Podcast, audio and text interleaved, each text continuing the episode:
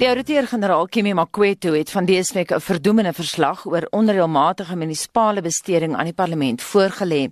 Die verkwisting van geld het met 75% toegeneem oor die afgelope boekjaar van 16 tot 28 miljard rand. Eskom dreig om die plaaslike owerhede se kragvoorsiening te verminder weens skuld wat die afgelope 5 jaar opgeloop het tot byna 14 miljard rand en minstens 20 munisipaliteite is landwyd onder administrasie. Monitor het gister met twee plaaslike regeringskundiges, Fanie Kloete en Anita Botha oor gepraat en beide het skerp kritiek gelewer op die regering se onvermoë om sy huis in orde te kry. Boonop het die ouditeur-generaal self gekla oor die feit dat niks oor die afgelope 5 jaar verander het nie en dat niemand hulle steur aan sy raad nie. Vandag praat ons met die adjunkminister vir samewerkende regering en tradisionele sake, Andri Snell. Goeiemôre. Goeiemôre baie dankie vir die geleentheid. Andrie slegs 33 uit 257 munisipaliteite het skoon audits gekry. Waar lê die fout? Kan ek net begin deur te sê dat uh, ons steur onsself baie baie aan die ouditeur-generaal en ons werk baie nou saam met die ouditeur-generaal en ons is onsaglik besorg oor die toedrag van sake wat wat hy beskryf het. Ons is ook baie teleurgestel met die agteruitgang in die afgelope finansiële jaar plaasgevind het. Maar ek dink dit is ook belangrik om te sê dat dit is eenvoudig net nie waar dat dinge nie oor die afgelope 5 jaar verander het nie. Kom ons kyk waar ons was in 2011 toe ons ons vorige plaaslike verkeer verkie, uh, regeringsverkiesings gehad het. Op daai stadium het ons 278 munisipaliteite gehad. Slegs 13 het skoon audits gehad en 117 het ongekwalifiseerde audits gehad. So dit was 47% van munisipaliteite wat skoon of ongekwalifiseerde audits gehad het. Wat het die jaar daarna gebeur na die plaaslike verkiesings van 2011? Dit het verswak. Dit was slegs 9 munisipaliteite wat skoon audits gehad het en 107 wat ongekwalifiseerd gehad het, afgegaan na 41%. Oor die volgende 5 jaar het ons omsaglik hard gewerk. As nasionale regering, ons het gewerk met ons provinsies, ons het gewerk met die ouditeur-generaal, met nasionale tesourie. En in die tyd wat ons na die 2016 plaaslike verkiesings gegaan het, was daar 49 munisipaliteite met skoon audits. 122 ongekwalifiseerd. Met ander woorde, ons het die posisie van 47% na 62% skoon of ongekwalifiseerde audits opgebring. Hm. Deur harde werk, deur verantwoordbaarheid te verseker, deur leierskap te gee en seker te maak dat daar gevolge is vir wandade. Hoekom is daar dan minstens hoekom is daar minstens 20 munisipaliteite dan onder administrasie? Hoekom lyk Noordwes en die Vrystaat byvoorbeeld soos wat hulle lyk? Kan ek terugkom daarna toe? Mhm. Mm Net om te sê is dit na die plaaslike hierdie onlangse plaaslike verkiesings in 2016. Wat het ons weer ervaar? Weer agteruitgaan. Ons staan nou op 57% waar voor die verkiesings op ons op 62% skoon of ongekwalifiseerde audits gestaan het. Sonder om enigstens uh verskonings te maak lyk dit vir ons asof daar wel 'n tendens is dat na 'n plaaslike verkies regeringsverkiesing daar 'n mate van politieke en administratiewe onstabiliteit intree.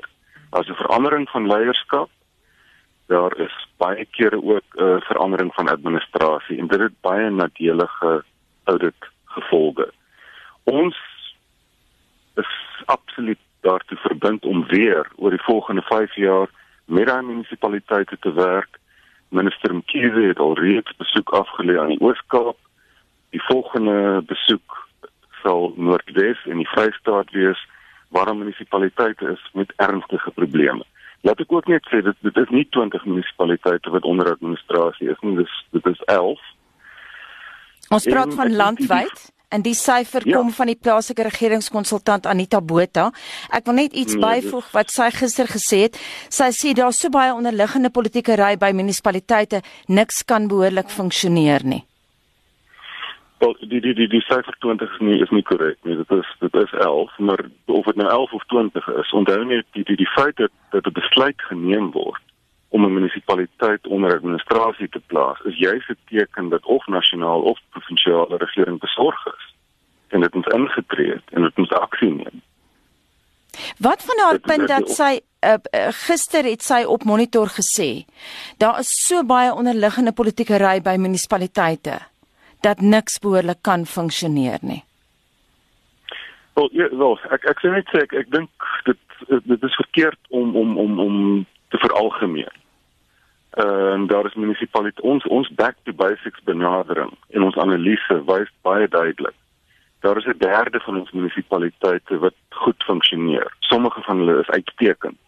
Daar is 'n derde wat baie van die basiese goed reg kry, maar hulle het ernstige probleme wat hulle hulp nodig het. En ons het derde van ons munisipaliteite waar ons baie openlik sê, daai munisipaliteite is disfunksioneel. En dan moet indringend ondersteuning gegee word, maar ook in sommige gevalle moet daar intervensie wees. Hulle moet onder administrasie geplaas word of in die ergste omstandighede moet hulle net ontbind word. So in daai konteks sal ek sê ja, daar is munisipaliteite waar daar geweldige politieke ry is, as politieke instabiliteit, as administratiewe instabiliteit en dan moet daar ingetree word. Maar dit is nie 'n algemene munisipale probleem nie vroeër het, het, het die verwys na die die die die skuld aan aan aan aan Eskom. Dit is dit is daar is 15 miljard rand wat aan Eskom geskuld word. Die punt is egter dit 70% van daai skuld lê aan die deur van 10 munisipaliteite uit 257. So dit is nie 'n algemene probleem nie uh, munisipaliteit soos Maluti uh, Apofong in in in in in, in Vrystaat sit met omtrent 'n miljard van daai skuld. So dit is ons moet spesifiek praat, ons moet 'n getekende benadering tot tot hierdie probleme hê. As ons dan spesifiek praat, kan ons terugkom na 'n vroeëre punt oor die 5 jaar probleem. Die ouditeur-generaal Kemi Makweto het gesê dat niks oor die afgelope 5 jaar verander het nie. Niemand steur hulle aan sy raad nie. Dit was sy presiese woorde. En as ons kyk na wat Eskom gesê het. Eskom sê en die syfers wat ons hier het na onderhoude met Eskom is net onder die 14 miljard rand wat hulle geskuld word en dan sê Eskom, hmm. maar daai skuld is al vir 5 jaar lank uitstaande. So dis nie 'n probleem wat van verlede jaar af kom nie. Nee, ek, ek weet en en en dit dit dit dit is ons ook baie duidelik hoor. I mean dit en dit is waarom daar daar's 'n interministeriële taak mag span wat werk aan die Eskom kwessie. Ehm um, en 'n hele klomp van daai munisipaliteite waar daar geskuld word, het ons uh, ooreenkomste tussen Eskom en die munisipaliteite bewerkstellig baie van die munisipaliteite is wel besig om om af te betaal. Maar soos wat ek gesê het, 10 uit daai munisipaliteite is verantwoordelik vir omtrent 70% van daai skuld. So en daai munisipaliteite lê in Noordwes, in Vrystaat en sommige van hulle in Mpumalanga. Dit is nie 'n algemene munisipale probleem nie. Ons weet waar die die probleem lê. Ons weet in sommige gevalle wie die sondebokke is en ons ons werk aan daai munisipaliteite om daai situasie reg te kry. Aan die ander kant moet mense ook sê dat die munisipaliteite het ook 'n uh, 'n hele reeks uh kwessies met hoe Eskom sekere dinge bestuur en ons probeer die, die partye bymekaar kry om daai probleme uit te sorteer. Ek wil ook net sê dat met wanneer dit kom by by uh, irregular expenditure uh, wat wat wat hy ook vroeër na verwys het. Ek dink dit is belangrik om net vinnig uit die ouditeur-generaal se verslag te, te te lees. Net kan dit in, in in Engels lees want dis dis 'n verslag wat ek het. Ouditeur-generaal sê irregular expenditure increased from 16 billion rand to 28 billion rand, a 75% increase. It is important to note, however, that the municipalities made a significant effort in 2016-17 to identify and transparently report on irregular expenditure incurred in previous years. This accounts for 15 billion of the total. Mm. Nou, I gaan dan mm. I gaan dan aan om te sê dat it includes payments made on contracts irregularly awarded in a previous year. in the non if the non-compliance was not investigated and condoned. The, the payments on these multi-year contracts continue to be viewed and disclosed as irregular expenditure. Met ander woorde wat hy sê, 'n sonde wat 3 jaar, 4 jaar gelede gepleeg is, hou aan om gereflekteer te word as irregular expenditure. Mm. En nee. gaan aanhou. Goed en wel, maar ek wil vinnig kom by iets anders want ons het so 2 minute tyd oor en dan moet ons eindig met die onderhoud. Die kantoor van die ouditeur-generaal in KwaZulu-Natal het nou opgehou om die boeke van eThekwini Metro te audit want hulle sê dat hulle personeel word met die dood gedreig. Ons kry die net hierdie week op monitor. Die burgemeester van Kopanong in die Vrystaat moes maandag aand vlug vir sy lewe. Die munisipale bestuurder van Modimolle wil na minder as 'n week bedank weens vrese dat die ANC en die EFF haar aan die brand gaan steek. Koster se inwoners steek hierdie week 'n voertuig van die burgemeester van Getleng munisipaliteit aan die brand. Hoe gaan julle geweld by munisipaliteite hokslaan? Daar's baie mense wat nie meer wil werk vir 'n munisipaliteit nie. Dink ek dit dit is 'n totaal totaal onaanvaarbare toedrag van sake. Die etiquette aangeleentheid het ek gister met die ouditeur-generaal bespreek en dringend ehm um, en ons sal die nodige aksie neem.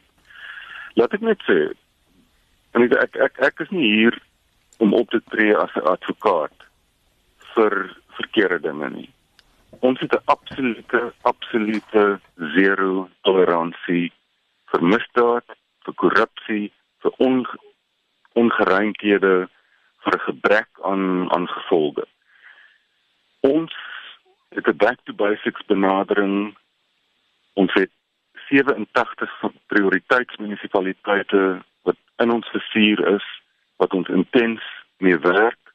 Minister Mkhize soos wat ek gesê het, het al reeds 'n besoek afgelê aan Oos-Kaap, wat een van die provinsies is met die grootste aantal disfunksionele munisipaliteite. Ons weet dat daar geweldige probleme in die Noordwes is, nie net met munisipaliteite nie, maar die provinsie self ons tree daarin kokte is aan die voorpunt van die munisip van die provinsiale intervensie ons gaan ingaan op daai munisipaliteite. Vrystaat weens ook is 'n geweldige probleme. Ons het ehm um, ons het distriks ondersteuningsspanne saamgestel met ingenieurs beplannings finansiële kundigheid wat ons ontplooi in daai munisipaliteite. Ons het ook 'n vinnige reaksiespan om te help daar. So dit ons ons is baie baie ons is pynlik bewus van die probleme in daai munisipaliteite en ons is, is verbind daartoe om hard te werk met ander departemente, met plaaslike regering en met die private sektor om daai probleme op te los.